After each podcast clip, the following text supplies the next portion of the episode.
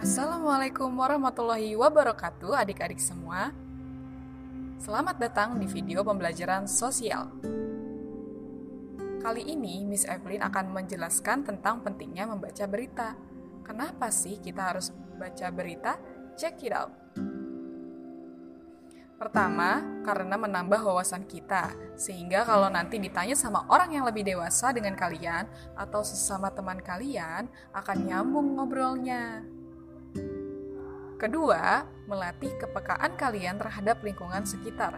Dengan membaca berita, kalian bisa lebih peduli terhadap sesuatu yang terjadi di lingkungan kalian, di Indonesia, dan bahkan di dunia. Eits, tapi ada beberapa hal yang harus kalian perhatikan loh dalam membaca berita.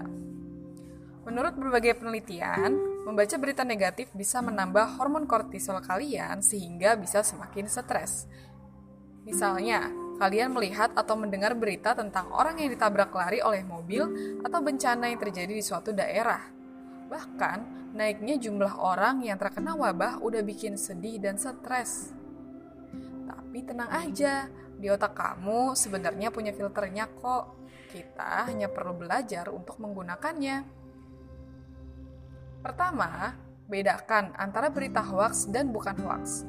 Pilih aja situs-situs terpercaya seperti kompas.com, republika.co.id, CNN, atau BBC, dan juga yang lainnya. Kenapa sih? Karena situs hoax tidak dapat dipertanggungjawabkan isinya.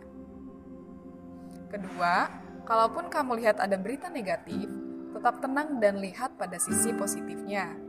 Misal nih, ada bencana di suatu daerah, maka itu sebenarnya adalah peluang kita untuk mendoakan dan membantu mereka. Begitu cara berpikirnya.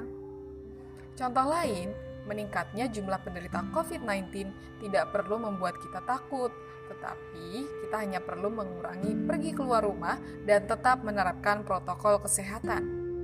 Mudah dan asyik kan? Ayo kita mulai gunakan cara baru untuk membaca berita positif yang membuat kalian bahagia.